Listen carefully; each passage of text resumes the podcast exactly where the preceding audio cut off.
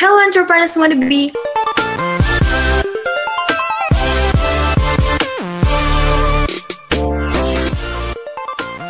Balik lagi di Voice of Panda, segmen Biskuit, Business Curiosity. Podcast ini dipersembahkan oleh BEM FMIPA IPB University. Kenalin, gue Mutia Azara dari Departemen Kimia IPB Angkatan 56. Pada kesempatan kali ini, gue akan menjadi caster dan juga akan membahas mengenai tema ide gila bikin kaya. Tentunya gue nggak akan membahas tema menarik ini sendirian, melainkan bersama narasumber kita yang kece banget.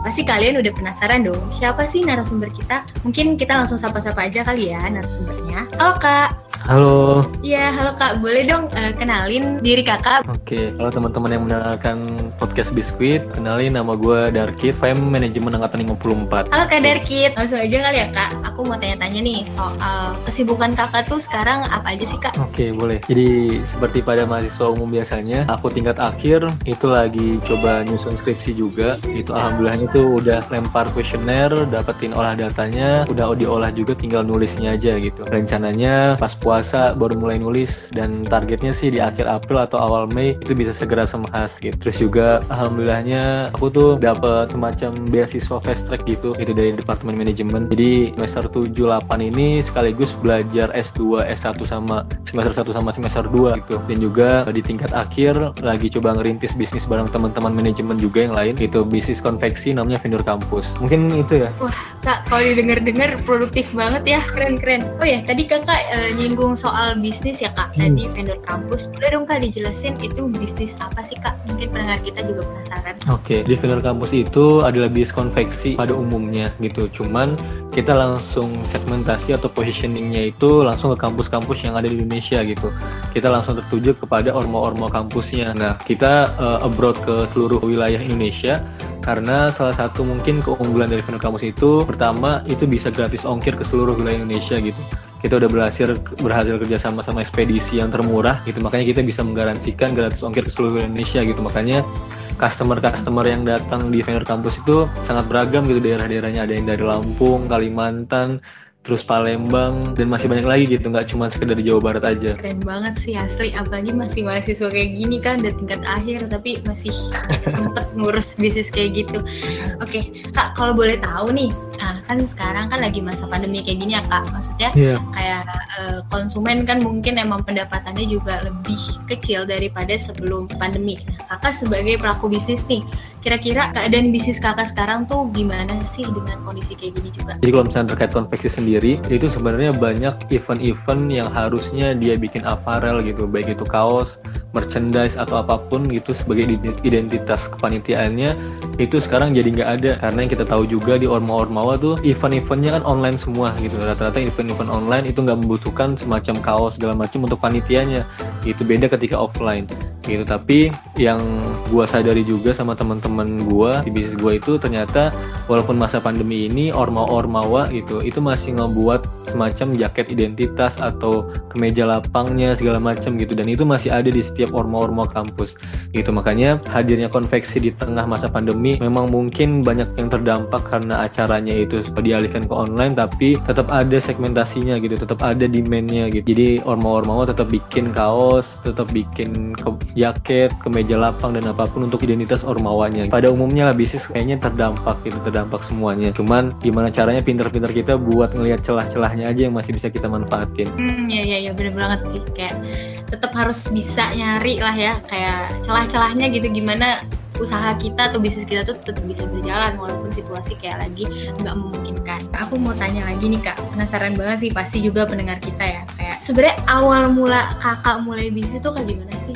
Jadi sebenarnya gue itu tipikal orang yang suka ngeksplor banyak hal gitu. Dimulai dari organisasi, kepanitiaan segala macamnya itu coba gue eksplor selagi gue masih muda dan ada waktu. Nah gue tuh mulai bisnis banget di tahun 2019 di mana pada saat itu gue diajak temen gue bisnis konveksi juga tapi gue di bidang marketing gitu. Gue diajak untuk uh, megang marketingnya di sana. Alhamdulillahnya tuh di satu tahun berjalan omsetnya bisa nyapai lah ratusan juta gitu. Alhamdulillahnya di sana. Terus sempat di akhir tahun tuh sempat sedikit cekcok sama manajemen timnya gitu.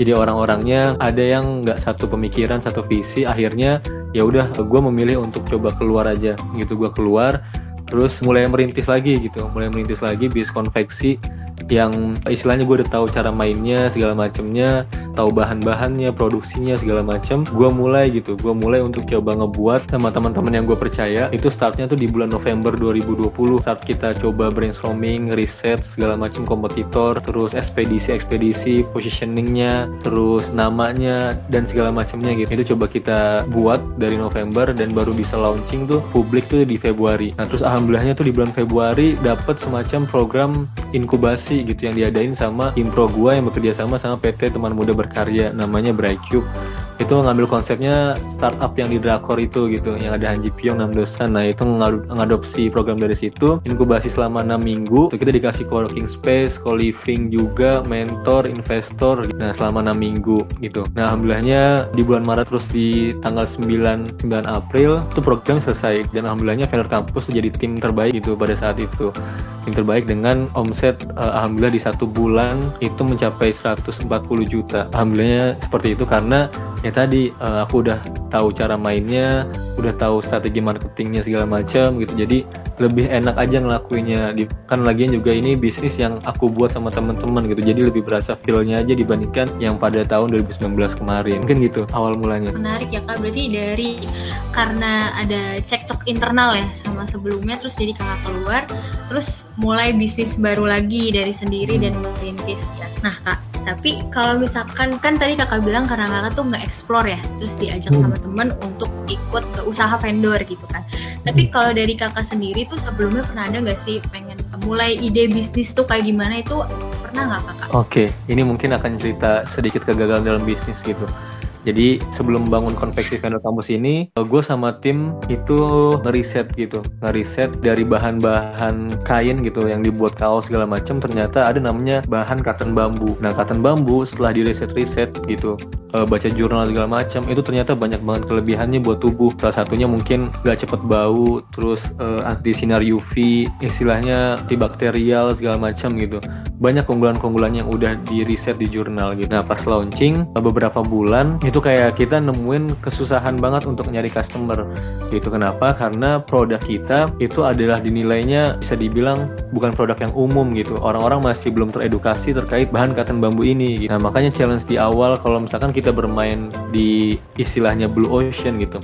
Orang-orang yang masih belum tahu terkait bisnis itu kita mesti edukasi. Nah edukasi marketnya itu butuh dana yang cukup besar sehingga uh, produk kita bisa nyari segmentasi marketnya gitu. Nah makanya pada saat di bulan Maret aku ingetnya di bulan Maret itu launching terus habis itu istilahnya nemuin kendala tadi nah makanya shifting dari clothing itu ke konveksi gitu yaitu namanya vendor kampus nah itu mungkin sedikit kegagalan dari perjalanan bisnisku gitu sama ini. Ya karena pasarnya tuh belum paham ya kak apa sih kayak cotton bambu itu apa jadi kayak nggak belum tertarik lah gitu istilahnya. Hmm. Terus selanjutnya kak kalau misalkan menurut kakak nih sebagai uh, pelaku bisnis kan tadi ya pada masa pandemi ini yang di mana situasi semuanya tuh terasa masih banyak khawatiran segala macam gitulah ya dalam uh, masa pandemi ini. Kan pasti banyak juga tuh dari kita kita ya kan sebagai mahasiswa yang pengen ngisi waktu kosong kita di masa pandemi ini untuk memulai bisnis. Karena kayak pengen lah punya uang jajan sendiri gitu daripada selain dari yang dikasih orang tua.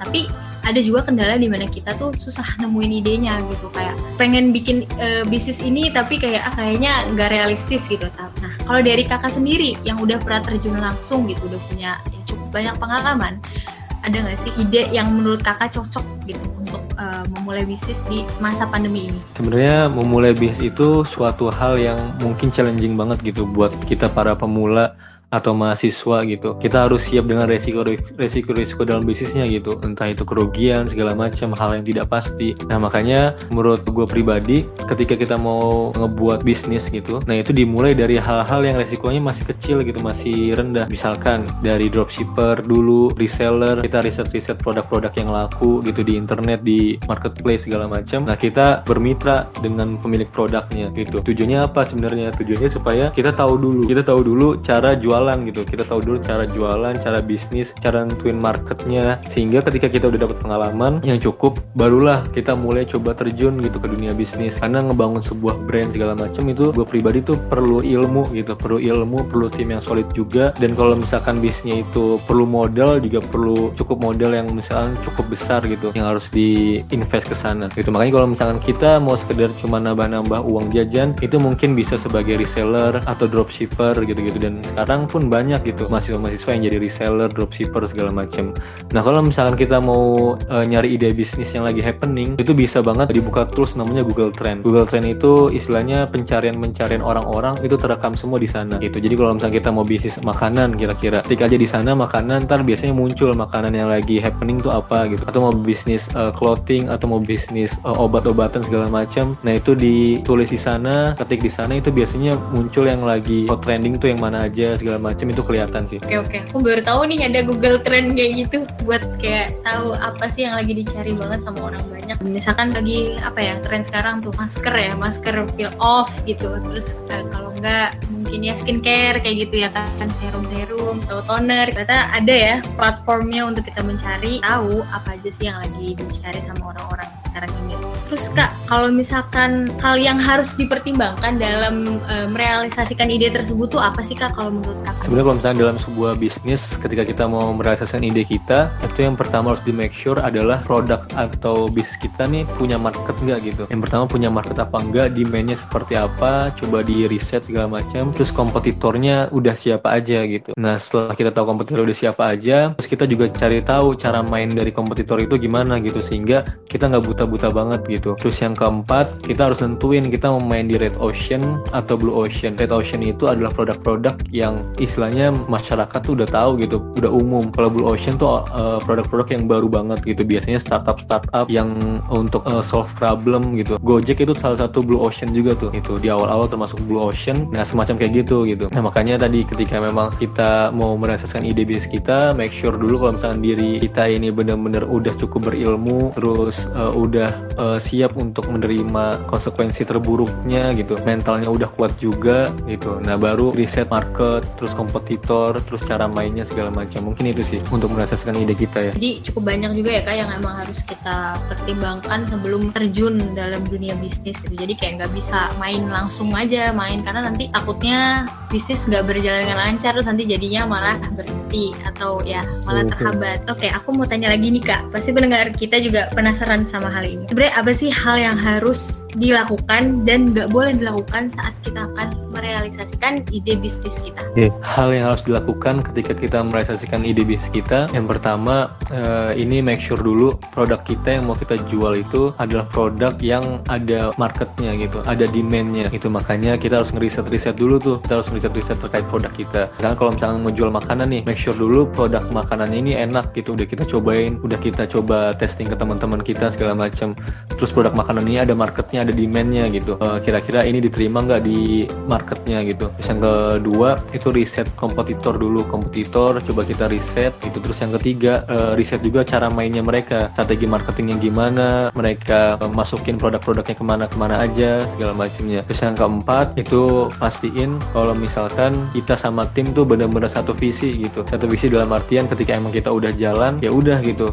Uh, ini tim emang siap untuk struggle gitu. Karena dalam bisnis itu mungkin di fase-fase terberatnya di 1 sampai 3 tahun gitu. Nah, makanya kita harus nanamin mindset kalau misalkan tim kita tuh udah siap untuk struggle 1 sampai 3 gitu, 1 sampai 3 tahun. Jangan sampai di tengah jalan ada yang mundur karena capek segala macam gitu. Itu pasti terjadi aja gitu. Tapi gimana caranya kita untuk ngekontrol itu gitu. Kita ngekeep teman kita, kita benar-benar nguatin tim kita supaya bisa untuk diajak struggle gitu. Emang seru banget dinamika dalam bisnis tuh. Nah, gitu sih. Oke, kalau misalkan hal yang nggak boleh itu apa oh, ya, iya, Kak? Iya. Da, uh, dilakukan sama pemula bisnis itu apa tuh Pak? Hal yang nggak boleh dilakukan adalah yang pertama itu jangan terlalu idealis gitu. Dalam artian ketika memang kita masih awal-awal dalam memulai bisnis, itu jangan terlalu idealis dalam artian oh, ini produknya pasti bagus nih gitu ini produknya pasti bagus menurut kita gitu tapi sebenarnya kita belum coba testing ke marketnya gitu testing ke teman-teman kita segala macam jadi kita cuman idealis terhadap produk kita sendiri gitu karena dalam misi itu bukan enak atau bagusnya menurut kita tapi enak atau bagusnya itu menurut customer gitu menurut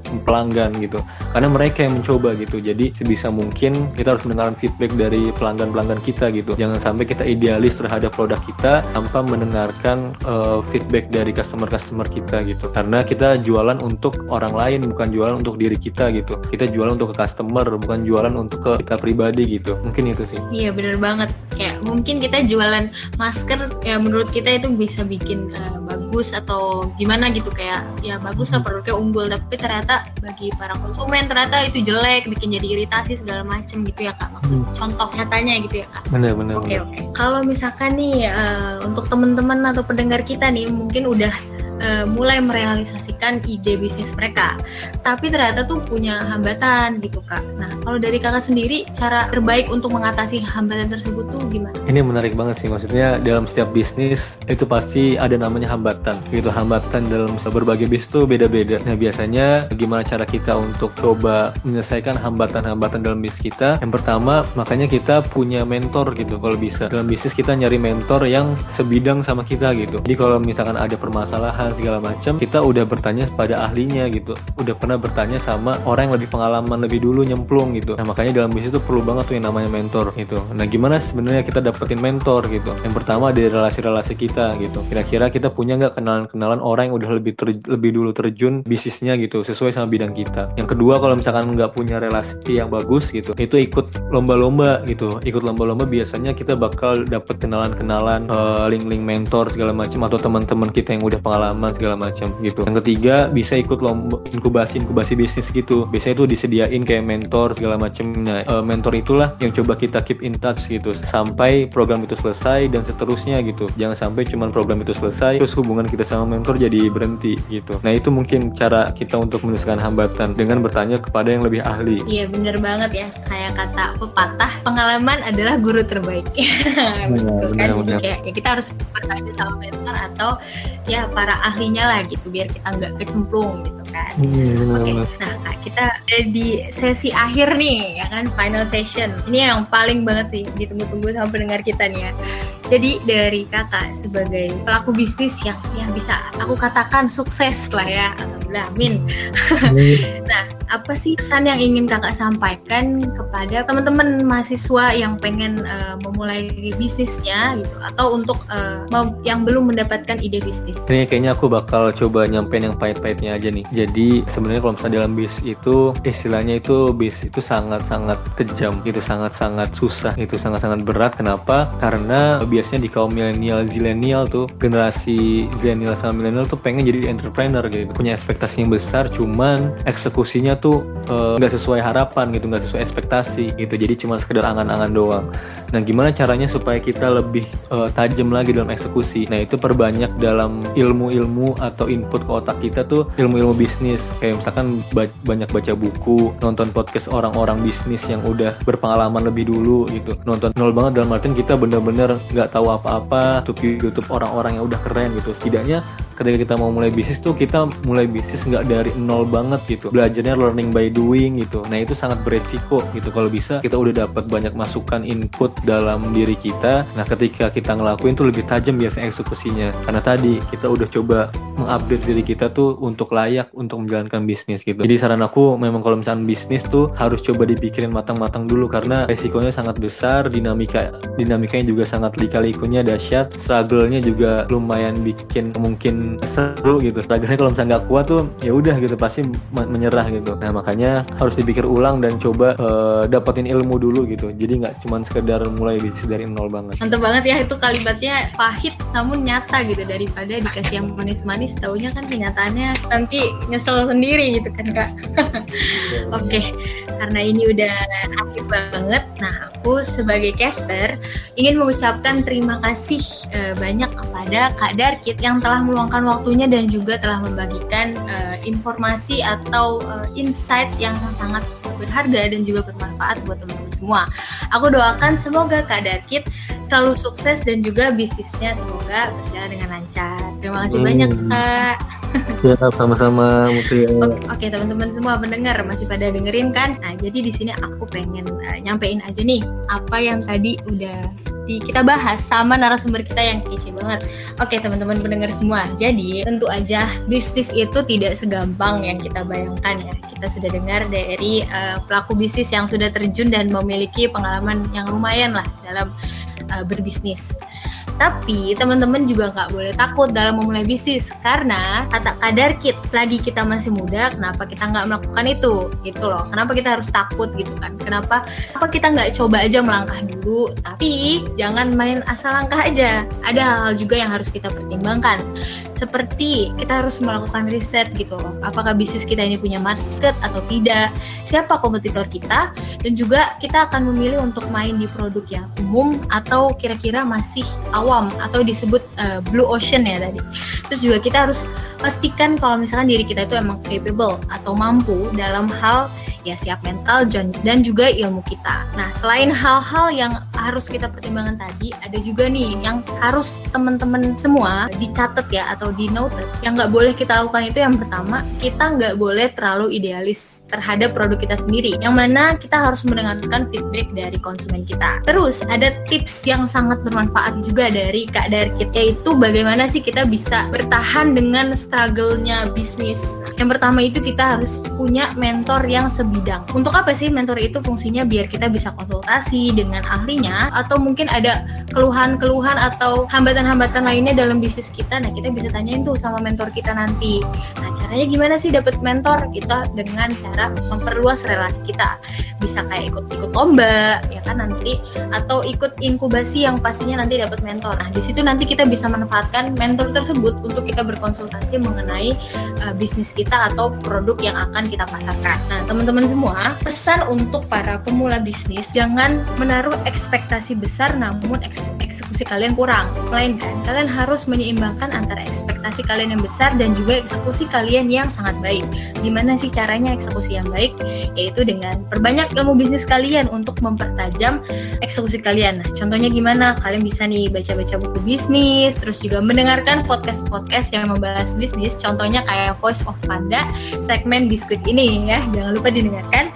Dan juga video-video lainnya seperti mungkin di YouTube yang membahas mengenai bisnis. Kalian bisa ngambil ilmu dari situ. Nah, untuk teman-teman semua ini nggak boleh males dalam mengakses video-video tadi atau membaca buku-buku tadi karena hal tersebut berguna banget untuk kita mempertajam pengetahuan kita dan juga ilmu kita untuk menghadapi struggle besar dalam memulai bisnis.